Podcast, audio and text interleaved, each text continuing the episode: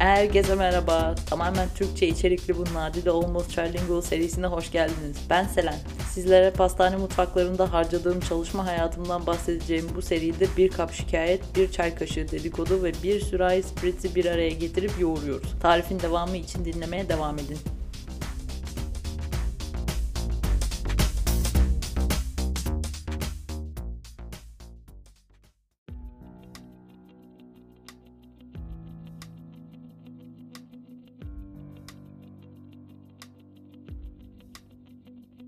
Merhaba! Yeni yıla ve mutfak dedikodularında yeni bir döneme hoş geldiniz.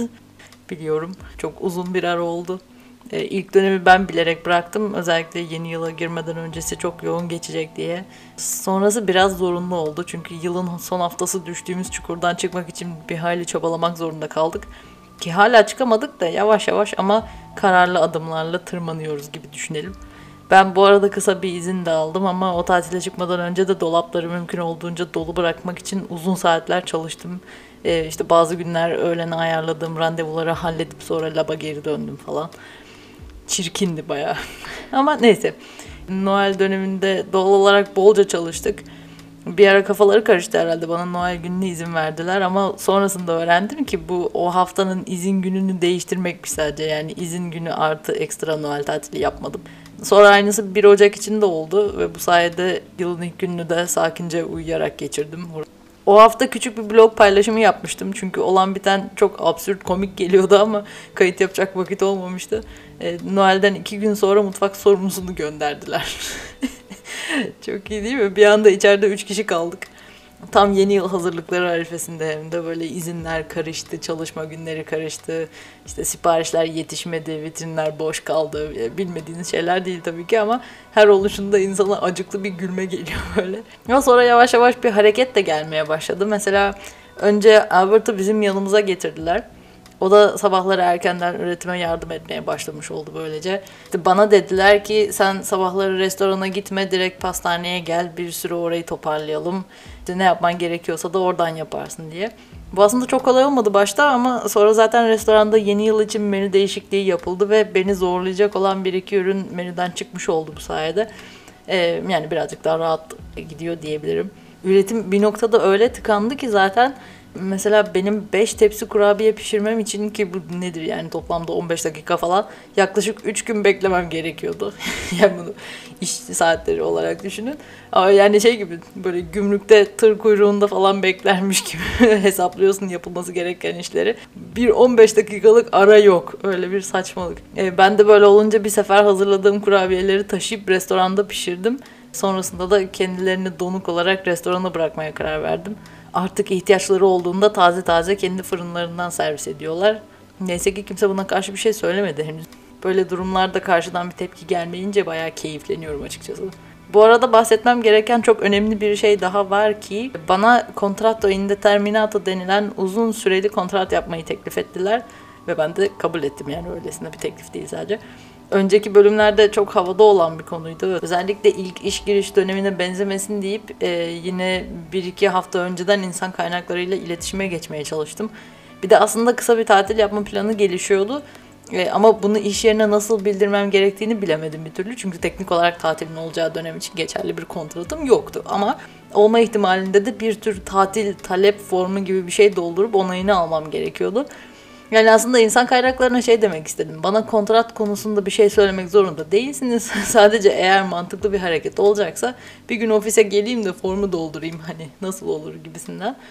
Ya bir de bazen o formlardan ortaya bırakıyorlar ama şansıma o dönemde yoktu ve gerçekten kadını bulmam gerekiyordu. Neyse önce aradım cevap vermedi işte mesajlar, mailler falan her türlü cevapsız kaldılar ama bu sefer deneyimli olduğum için stres olmayıp e, yavaş yavaş direktörlere ulaşmaya başladım. E, restoranın direktörüyle iletişime geçtim. Buna benzer bir konuda işte konuşmak istediğimi söyleyip falan.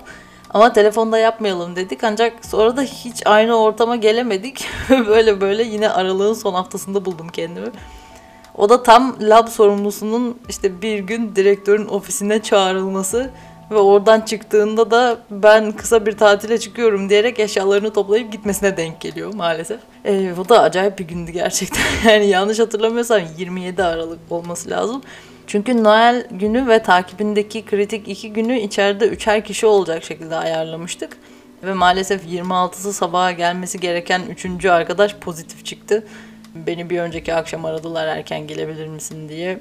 Bugün sadece işte e, sorumlu abiyle ikimiz açılışı yapıp birazcık da sonra üretim yaptık ve çıkmış olduk neyse ki. Ee, ama ertesi gün e, işte tekrar 3 kişi olmamız gerekiyordu. Abi bir anda gidiverdi. Bu arada entrika bitmiyor. Belki gelecek bölümlerde bununla ilgili ekleyeceklerim olur. Çok heyecanlı benim için en azından. Tam bilgi sahibi değilim o yüzden fazla spekülasyon yapmak istemiyorum. Sadece bir rivayete göre kendisini bir şekilde geri getireceklerini duyduk. Ama bir ihtimal galiba restorana pastacı olarak geri gelecekmiş. Çok esrarengiz işler. ama yani değil tabii ne alaka ama insan o kafaya girince çok acayip heyecanlı oluyor. Öyle yani sadece siz değil ben de böyle dışarıdan saçma sapan bir diziyi izliyormuşum gibi hissediyorum bazen kendimi. Her neyse o gün direktör beni de ofise çağırdı ve ilginç bir konuşma yaptı. Bu tam sorumlu abiyle konuşmasını bitirdiği gibi bu arada. Yani adam içeri geldi ben gidiyorum dedi. Beni öndeki arkadaşlar bilgilendirdi. Patron seninle görüşmek istiyor diye. Ve orada dedi ki eğer bizimle çalışmaya devam etmek için engelin bu adamsa artık bizimle değil haberin olsun sana direkt söylemek istedim falan dedi böyle. Ben gerçekten şok oldum bu arada orada. Çünkü bunun arka planında aslında küçük bir detay var ki ne zaman bir yani bir gün restoran şefi ve bu direktör arasında yaptığımız mini bir toplantıda ortamın karmaşasından ve işte benim söylediğim şeylerin çok da dikkate alınmadığından falan bahsetmiştim. Belki de o noktada bir yanlış anlaşılma oldu ve benim işe devam etmek istememe sebebim sanki bu abiymiş gibi anlaşıldı bilmiyorum. Ben, ben halbuki sürekli düzensizlikten, uyuzluklarından falan şikayet ediyordum. Pislikten ya da bildiğiniz gibi. Ama en azından o gün direktöre özellikle söyledim böyle bir durum yok diye ama hani başımızda bir sorumlu olmasına rağmen işleyiş bu kadar kaotik ise yani doğru gitmeyen bir şey ya da biri vardı. Ee, orada bana uzun süreli kontrat yapmak istediklerini söyledi ilk defa. Hatta baştan beri böyle planlamıştık falan dedi böyle çok acayip. Ama en vurucu olan kısmı belgelerin hazır olduğunu söylediği kısımdı. Ne, neyse ki kendimi tuttum da gülmedim. Ama sonra gerçek çıktı Galiba bir sonraki günde insan kaynakları arayıp e, işte kendi açıklama yaptı. Kontratımın bitişi 31 Aralık'tı. O günü beklemek yerine 30'u günü benden işten ayrılma başvurusu yapıp hemen yeni kontratı imzalamamı istediler. Dur bir dakika şaka bitmedi daha. Bütün bu işlemleri bir muhasebe ofisinde resmi bir şekilde yaptım. Yani bir de randevulu. Hatta randevu saatinde görüşmeye başlamıştık falan. Of neler neler. Keşke bunlarla bu kadar dalga geçmesem ama gerçekten bizi bu noktaya getiriyorlar. E, neyse tamam bir dakika ciddi olalım. Çünkü bu süresiz kontrat işi aslında çok ciddi bir durum e, İtalya'da insan yerine konmak gibi oluyor biraz ya da benim için öyle belki de. Sadece bir şirketle çalıştım ama ağzıma öyle bir sıçtılar ki onun üzerine hiçbir ümidim kalmadı. Zaten bu sektörde çok fazla beklentim yoktu genelde insanlık adına. Bir de onları görünce daha da böyle çöktüm. Burada böyle olumlu küçük detaylar çıkınca çok gülesim geliyor. bir, bir çalışan olarak çeşitli haklara sahip olduğunu sana gösterebilen bir kontrat bu. Ve adeta şirketle evlenmek gibi bir taraftan da bu, bu imza işlerini gerçek bir ofiste yapmış olmanın verdiği yetkiye dayanarak kendilerine işte bu kontrat bana nasıl haklar sağlıyor sorusunu da yönelttim aslında acaba bu bilgilerin toplandığı bir web sitesi falan bir şey var mı? Beni, beni yönlendirir misiniz diye sormak istemiştim ama muhasebeci yardımsever çıktı. Hepsi her şeyin üstüne bir de adam yardımsever çıktı. Ve bana bütün detayları açıklayan bir e, doküman çıkardı. Hepsini bir de tek tek üzerinden geçip gösterdi, açıkladı falan e, izin günlerinden işte acil durumlarda alınabilecek izin sürelerine, sağlanan ekstra sağlık hizmetleri vesaire bir sürü yenilik. Ve bunlar bir de buzdağının görünen kısımları. Çünkü bizim başımıza gelen en geçerli örnek sanırım krediler ve kredi kartları üzerine. İkimizin de kullandığı banka sadece kontratto indeterminato sahiplerine kredi kartı veriyordu mesela. 2 yıl önce eşime zar zor bir öğrenci kartı almıştık. Araba kiralamak için o da yani en çok ona ihtiyacımız oluyor. Onun mesela limitini 750 Euro'dan öteye arttırmadılar bir türlü. Ee, ki yani adam kaç yıldır çalışıyor sürekli yenilenen kontratı var ama bir işe yaramıyor. Biz biliyoruz kontratın yenileneceğini ama orada görüyor işte bir iki aya süresinin dolduğunu diyor ki biz nereden bilelim senin yeni kontrat yapacağını. Okey tamam neyse. Aa işte mesela ben kontratı imzaladığımın ertesi günü bankaya görüşmeye gittiğimde kapıyı direkt 2000 Euro'dan açtılar ve hala alamadım kartı ama en azından potansiyel var artık. Böyle şeyler eğer deneme süresi için ben bakıp kaçmazsam veya onların aklına bir şey gelmezse sonra birbirimizden ayrılmamız bir tık zorlaşacak gibi duruyor bu kontrat sayesinde. Anyways, e, laba dönecek olursak aramıza katılan başka arkadaşlar oldu bu sırada neyse ki. Mesela geçtiğimiz yıllarda labda çalışmış olan bir arkadaşı ocağın ilk haftası geri getirdiler. Çünkü işte yine en deneyimlerden biri korona oldu o sırada ve içeride ne yapıldığını bilen bir kişi kalmış oldu. Neyse ki bu abimiz girdiği gibi üretim yapmaya başladı ve tam olarak arayı kapamıyor ama en azından ne eksik görüyor. Hemen el atıyor, hallediveriyor. Bu arada kendisinin hikayesi de komik çünkü aslında çok normal bir şekilde çalışmaya devam ederken verdiği bir karar sebebiyle tekrar işe dönmesi istenmemiş. Ben duyunca biraz güldüm ama neyse ki kendisi o sırada orada değildi. Öyle bir şekilde bahsediliyor ki bir de kendisinden bakayım adı Rasim olsun. Rasim şimdi burada olsaydı o falan gibi böyle 3 stajyer artı Sercan yerine Rasim gelsin her şeyi hallederiz gibi şeyler söylüyorlardı. Ben de doğal olarak sordum yani madem böyle bir canavardı kendisi ne oldu da gitti diye. e, şöyle ki kendisi önceki sene koronanın zirve döneminde Türkiye'de saç ektirmek için randevu almış. Ama İtalya'ya geri dönerken 10 gün karantinaya girmesi gerektiğini çok geç fark etmişler. Ve bu durumu öğrenince şirket gitmesini istememiş. O da doğal olarak size mi soracağım deyip yine de gitmiş ve ondan sonra bildiğin geri almamışlar. ben hala gülüyorum gördüğünüz üzere. bu arada derdim abinin saçları değil tabii ki. Tam olarak aktaramamış olabilirim ama o sonuçlara takılmadan bir şey yapma özgüvenini beğendim ben o sırada. Çünkü biz de tam o sebepten iki yıl evlere ziyarete gidemedik bir şekilde. Ve özellikle benim ekstra 10 gün izin alma şansım hiçbir şekilde yoktu ama işte Rasim'in perspektifiyle sanki bizde kurulu düzen ağır gelmiş gibi ve esas ona gülüyorum yani. Ama çok güzel bahsediyor. Çok güzel bir deneyim olmuş. Ee, İstanbul'u gezmiş, e, keyif yapmış, bir sürü bir şeyler yemiş gelmiş falan. Sonra da 10 gün evinde oturmuş mis gibi. Keşke ben de yapsam. evet neyse e, bakayım başka kimler geldi gitti. Yani mesela restoranda çalışmaya başlayan genç bir arkadaş açılış ekibinden değil sanırım Kasım'ın başında falan girmişti. Ama aralığın son haftasında bir gün böyle karşılaştığımızda çalışma saatlerinin hayatını çok iyi etkilemediğinden ve işten ayrılacağından bahsetmişti. E, hatta o gün şefle konuştuğunu ve yakında direktöre de bildirim yapacağını falan söyledi. Ben de hani zaten birileri bu noktada isyan etmeli diye düşündüğüm için baştan beri durumu çok normal karşıladım o sırada. Sonra araya işte bizim karmaşalar girdi, yeni yıl geçti derken geçen hafta dediler ki bu arkadaşı da sizin yanınıza getiriyoruz. E, derdi özellikle mutfakta olmak değilmiş meğer. Yani ne iş olsa yapıyormuş. Ne güzel benim için hava hoş. Zira yani çok güzel çalışıyor aslında. Mutfağa da çok düzgün bir zamanda gelirdi. İşte siparişler saat 9'da açılıyorsa o saat 9'da gerçekten kahvaltı servisi yapmaya hazır oluyordu.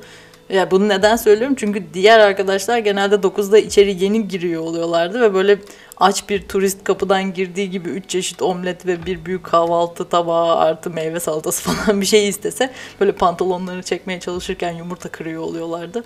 Onu da gördüm gerçekten. Neyse yani geldiği gibi birçok şeyi de kaptı hemen ve her gün yenilerini de öğrenmeye devam ediyor. Bıkmış da görünmüyor. şimdilik şimdilik onu kaçırmadık en azından. Ama yani tam onun geldiği dönemde güzel gelişmeler de oldu işte kalabalıklaştık vesaire. Geçtiğimiz hafta da bir 5 günlüğüne bir başka misafir pastacımız vardı. Normalde merkezdeki büyük kafenin mutfağında çalışıyor. Ama bir anda kendisine pastaneye gitmesini söylemişler. E, gidişi de gelişi de öyle biraz belirsizlikle dolu oldu ama en azından bir süre o da bize yardım etti. Neler yaptığımızı gördüm. Aslında bu kadar çok insan gelip giderken iş yapmak çok da hızlı olmuyor. Üretimde herkese bir görev verilebilir ama içeride düzgün bir yönetici olmadığı için yeni gelenler işini bilen pastacılar bile olsa süpervizyon altında çalışmaya zorlanıyorlar en azından başlangıçta. Ve işte sabah 6 ile 9 arası bankoya hazırlarken e, işi bilen iki kişi aslında her şeyi hızlıca yapabilecekken iki bilen iki bilmeyene sürekli neyin nerede olduğunu veya nasıl yapılacağını açıklamak zorunda kalıyor. Yani bu bahane gibi ama aslında bu yüzden geçtiğimiz haftalarda aramıza yeni insanlar katılmış olmasına rağmen tam olarak hızlanamadık. Yani arifesindeyiz ama çok çok da verimli değildi. Yoksa yani mesela ben o laba ilk girdiğimde bankonun hazırlığını sadece 3 kişi yapıyordu. Yani şöyle bir kişi tamamıyla kahvaltıyla ilgileniyordu. Geri kalan iki kişi bankoyu hazırlıyorlardı. Ee, diğer üçte hemen sabahtan üretime başlıyordu. O yüzden yani o düzene tekrar dönebildiğimiz zaman her şey çok güzel olacak büyük ihtimalle. Bir de şimdi bir stajyerimiz var bu arada. o da benim için e, bu şirket adına bir ilk. Kendisiyle işte bir gün çalışmış oldum. İkinci stajıymış. İstekli de görünüyor ama henüz çok çok taze ve çok enerjik. Neyse umarım kendisini çok yormayız. Ona ihtiyacımız var bolca. Yani bütün bunlardan bahsettikten sonra ayrıca belirtmek istiyorum. Dengeler artı kolonuna doğru kayıyor gibi bir his var içimde. Bazen çok yorulduğumda kaçıyor ama e, herhalde tatilin de etkisiyle böyle sahip olduğum iş deneyimine birazcık daha olumlu bakabilmeye başladım. Doğal olarak sonunda mantıklı bir kontrat sahibi olmam, işte içeri eklenen yeni arkadaşlarla iş yükümüzün hafiflemesi ve artık sürekli bizimle olan bir temizlik elemanının olması gibi böyle müthiş e, noktalar var ve bunlar bayağı ağır basıyor. E, bütün bunlara ulaşmak biraz vakit aldı ama yani gidiş yolundan puan kırmazsanız şu anda iyi gibiyiz. Ve bu çalkantılı geçiş döneminden de haberiniz oldu bu sayede. O bana bayağı komik geliyor. Çünkü böyle detaylar genelde günlüklerimde kaybolup gidiyorlardı. Şimdi bu şekilde kayıt altında oldukları yetmezmiş gibi günlüklere ekleyecek yeni bir bakış açısı da çıktı. Yani böylece belli sorunların yavaştan nasıl çözüldüğünü hep birlikte takip etmiş olduk. Büyük ihtimalle gelecek bölümlerde dinleme fırsatınız olacak. Ee, önceki çalıştığım yerlerde sorunların çözüme ulaştığını göremediğim çok oldu. Yani bu tabii ki iki taraflı. Yani benim beklemeye sabrım yoktu diye düşünebilirsiniz en azından. Bu aslında gelecekte değinmek istediğim konulardan biri. Çünkü bu sektör inanılmaz dinamik bir ortam sağlıyor ve size iyi gelmeyen bir durumla karşılaştığınızda hızlı kaçış imkanı o kadar çok ki ya bir şeyler değişsin diye bekleyerek vakit harcamak çok saçma bence ki yani bir de İstanbul gibi bir ortamda düşünürseniz her köşe başında bir pastane, bir restoran, bir bir şey ve yani bir işten çıktığında aradığın yere, aradığın şeye göre yani iki saat içerisinde yeni bir iş bulabilirsin çok rahat. Ee, neyse yani sonuç olarak her günümün neredeyse üçte birini harcamak için söz verdiğim ve beni yataktan saat dörtte kalkmaya zorlayan bir iş yerinde eğer beklediklerimi bulamıyorsam ne diye kendime böyle bir işkence yapayım değil mi? E, bu, bu tabii birçok dış etkeni saymadığım bir önerme ama fırsat olduğunda oralara da değinmek istiyorum bakalım gelecekler hep gelecek. Bir taraftan aklımda öyle genel konular varken bir taraftan da eski iş yerimle ilgili söylemek istediklerimi iyice düşünüp tartarak bir çerçeveye oturtmaya çalışıyorum. Bu uzun aralıktan sonra artık hazır olurlar sanmıştınız değil mi? Ben de. Neyse kimsenin acelesi yok herhalde. Yeni yıla böyle gelişmelerle girmiş olduk. Bence günlük olayları belli bir tabana oturttuğumuza göre artık gönül rahatlığıyla anlatmak istediğim başka şeylere geçebilirim diye düşünüyorum. Hani böyle bir şey bekliyor muydum? Hayır ama arada böyle küçük güncellemeler yapmak hoşuma gidiyor. Bir taraftan ben de kendime küçük bir timeline oluşturmuş oluyorum. Böyle. Dinlediğiniz için teşekkür ederim. Gelecek bölümlerde tekrar görüşmek üzere. Hoşçakalın.